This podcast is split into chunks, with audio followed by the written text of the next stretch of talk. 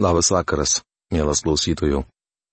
Šiandien mes toliau keliausime Biblijos puslapiais ir iš Naujojo testamento, iš laiško filipiečiams, kurį užbaigėme nagrinėti praėjusioje laidoje, persikelsime į Senojo testamento knygą. Tai mokytojo knyga.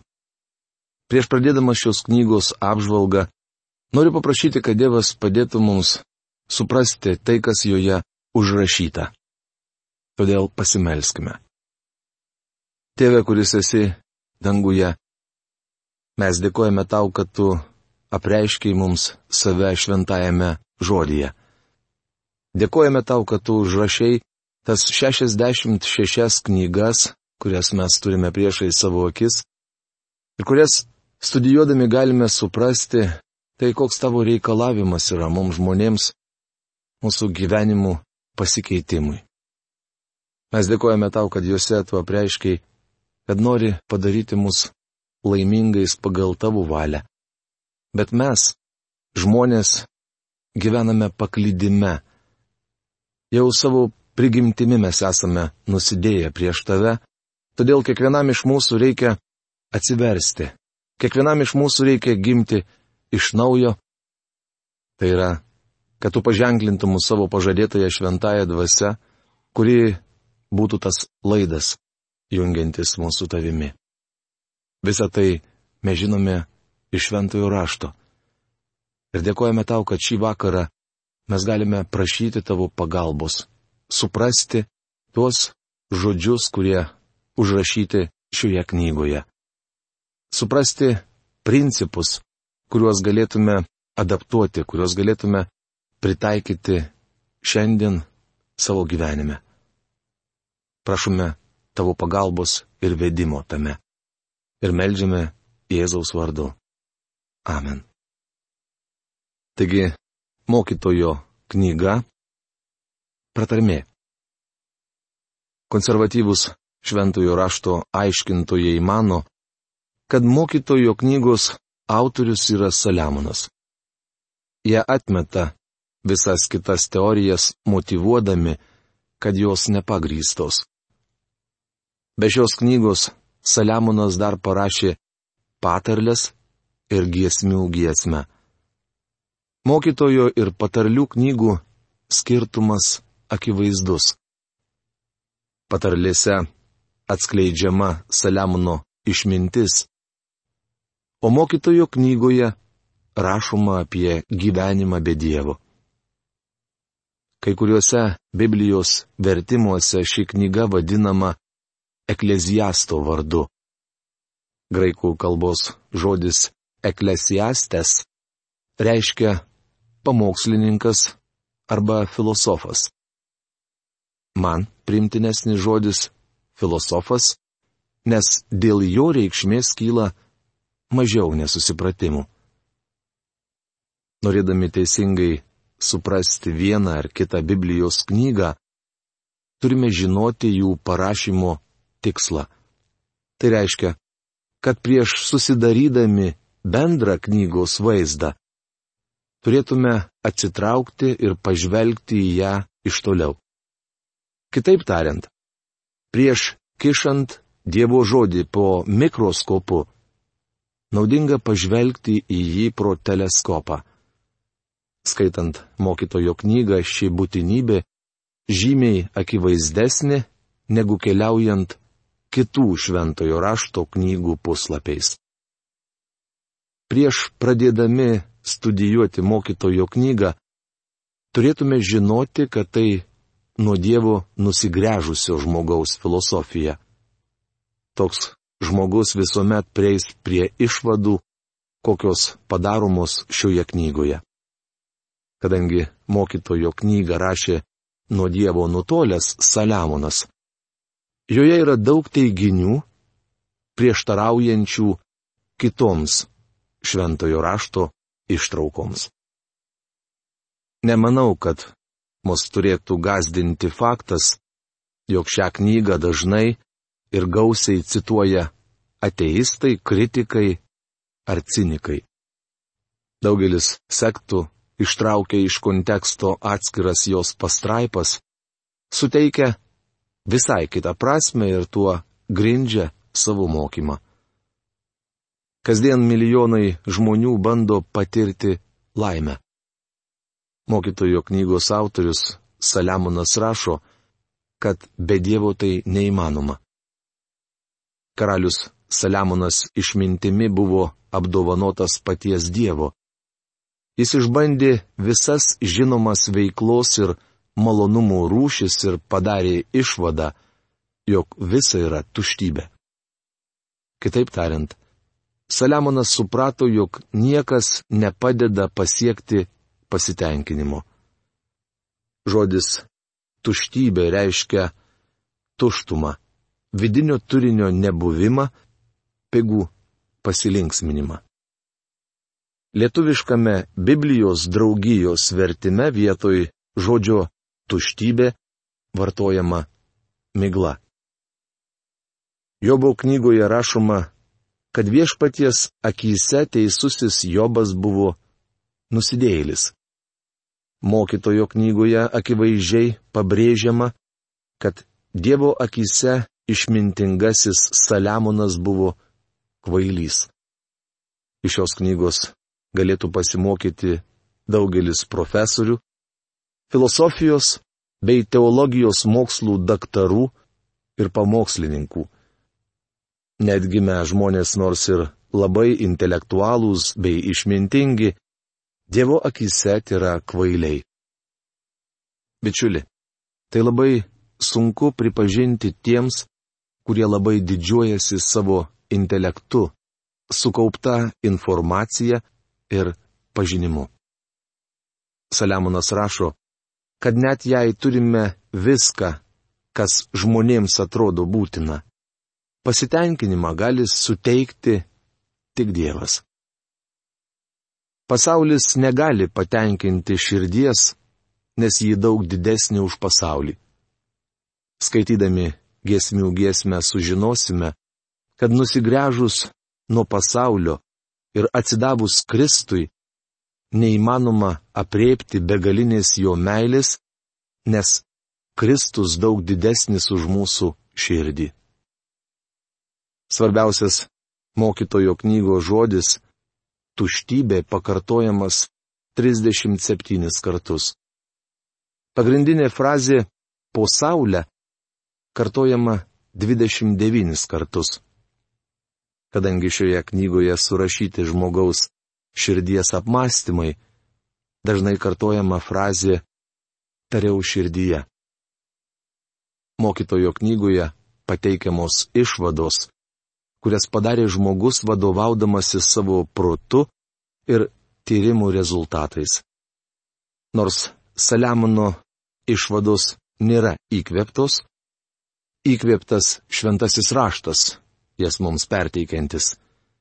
To galima paaiškinti žodžius tuštybė, po saulę ar tariau širdyje. Mokytojo knygos planas.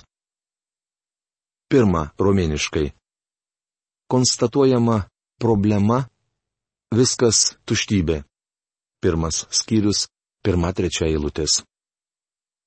Antra, romėniškai. Atliekamas tyrimas. Nuo pirmos skyriaus ketvirtos iki dvyliktos skyriaus dvyliktos eilutės.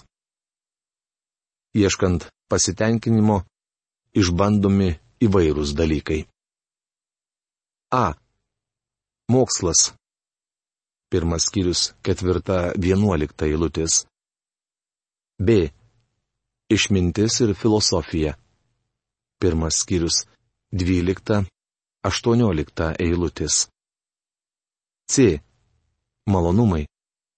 Antras skyrius, pirma, vienuolikta eilutės. D. Materializmas. Gyvenimas šią akimirką.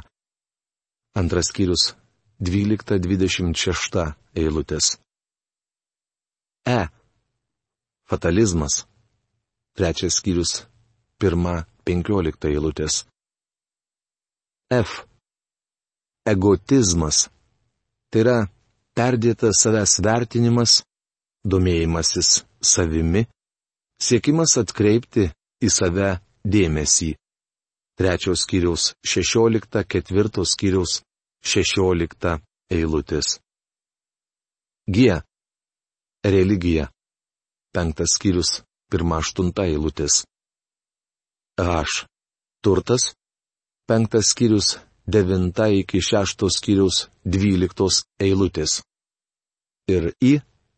Moralė. Septinto skyriaus, pirma, dvyliktos skyriaus, dvylikta eilutės. Ir trečia rumėniškai - tyrimo rezultatas. 12 skyriaus 13-14 eilutės. Pirmasis skyrius. Mokytojo knygoje aprašyta dramatiška, nuo Dievo nutolusio karaliaus Saliamono biografija. Jau minėjau, kad patarlių knygoje atsiskleidžia Saliamono išmintis, o čia jo kvailybė. Nors kartais gali atrodyti, kad tarp atskirų mokytojo knygos eilučių nėra jungties, vis dėlto ši knyga yra vientisa. Iš pradžių Saliamonas iškelia problemą. Šiame pasaulyje viskas yra tuštybė. Toliau rašoma apie bandymą pasitenkinti įvairiais dalykais. Jis išmėgina mokslą, gamtos dėsnius, išmintį ir filosofiją, malonumus ir materializmą bei gyvenimą šią akimirką. Be to Saliamonas ištiria fatalizmą, egotizmą, religiją, turtus ir moralę. Paskutinėse knygos eilutėse pateikiami tyrimų rezultatai. Studijuodami mokytojo knygą neturėtume pamiršti, kad kiekvieno eksperimento išvados nėra dieviška tiesa. Jas daro žmogus, gyvenantis po Saulę. Labai svarbu teisingai suprasti, ką reiškia teiginys, jog Biblija įkvėpta Dievo. Įkvėptumas garantuoja šventojo rašto žodžių tikslumą. Tačiau ne visos mintys išsakytos Biblijoje yra teisingos. Studijuojant Bibliją, svarbu atsižvelgti į kontekstą, į tai, kas ir kokiomis aplinkybėmis pasakė vieną ar kitą teiginį. Pavyzdžiui, pasakojimas, kaip Judas išdavė Kristų, yra įkvėptas. Tačiau šiam poelgiui Judą įkvėpė Šetonas. Ta pati galima pasakyti ir apie Saliamono teiginius, kuriuos jis pasakė, ieškodamas pasitenkinimo toli nuo Dievo. Nors jie ne visuomet atspindi Dievo požiūrį. Tačiau šventojo rašto įkvėptumas garantuoja, kad Saliamono žodžiai užrašyti tiksliai. Konstatuojama problema.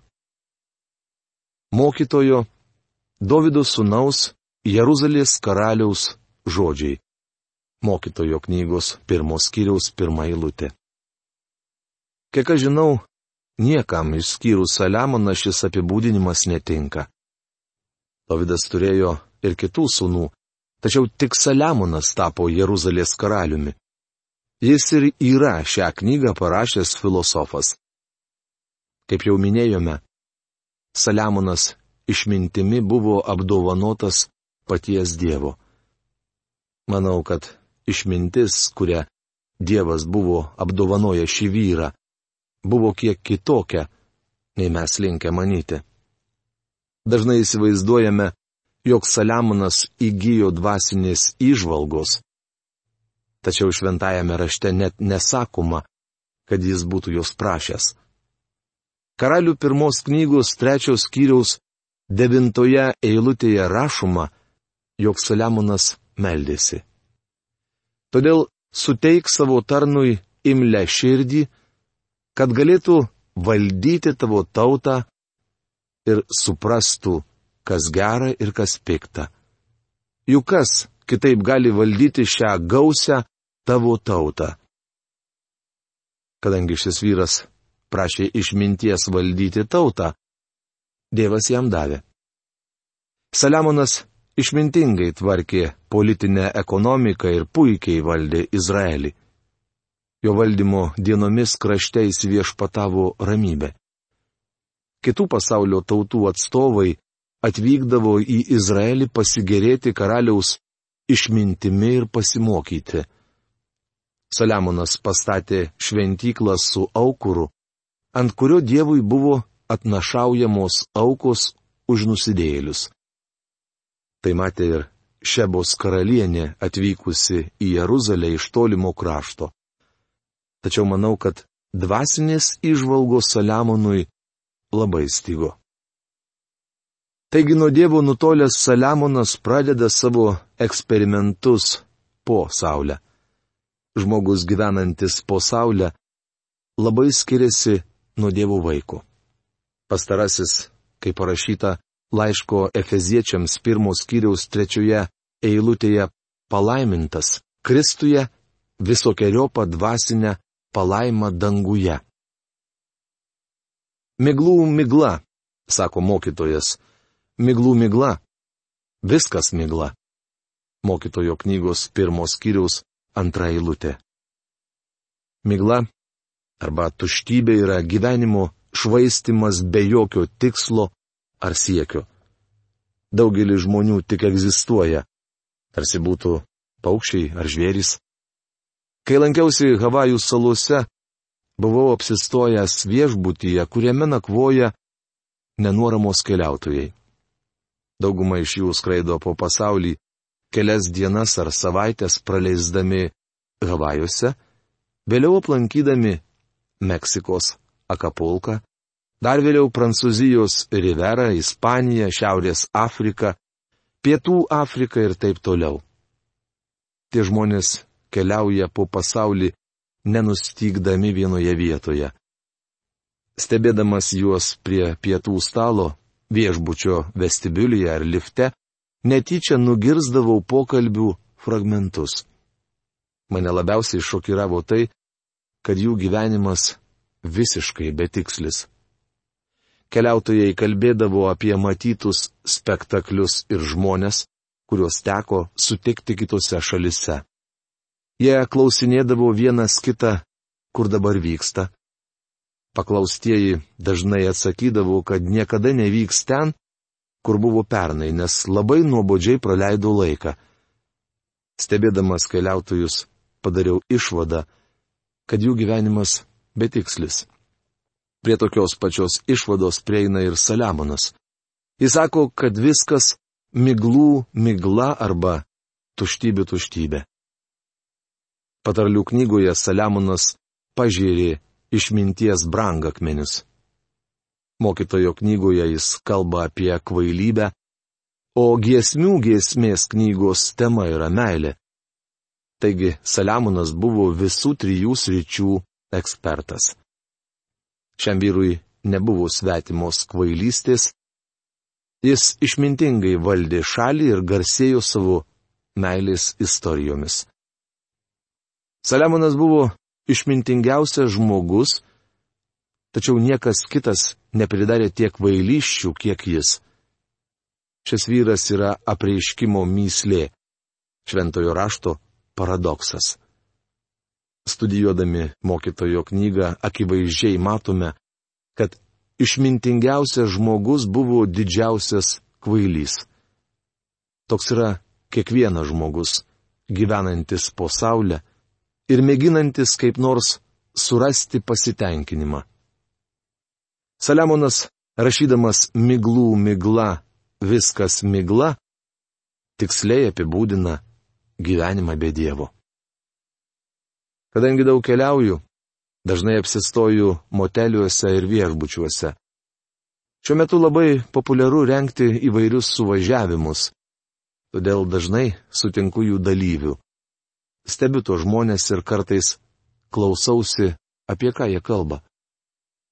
Suvažiavimų dalyviai skiriasi nuo keliautojų, bet kaip ir pastarieji, kažko ieško. Jie rengia didelius išgertuvių vakarėlius bei įspūdingus banketus ir išbando viską, tačiau dėl to netampa labai laimingi. Jų gyvenimo taurėje gausu nuosėdų. Toliau Saliamonas rašo apie savo eksperimentus. Jie panašus į bandymą iš nuobodžios ir sausos egzistencijos išspausti gyvybės syvų. Kokia nauda žmogui iš viso jo sunkaus triūso, kuriuo jis triūsia po saulę? Mokytojo knygos pirmos kiriaus trečia eilutė. Nepamirškite, jog visa tai vyksta po saulę. Tai žmogaus apmąstymai, o ne Dievo požiūris. Mielas klausytojų, tolimesnė temos dalį eksperimentas mes su jumis nagrinėsime jau kitoje laidoje. Tad šios dienos laidos laikas baigėsi. Iki greito susitikimo. Sudė.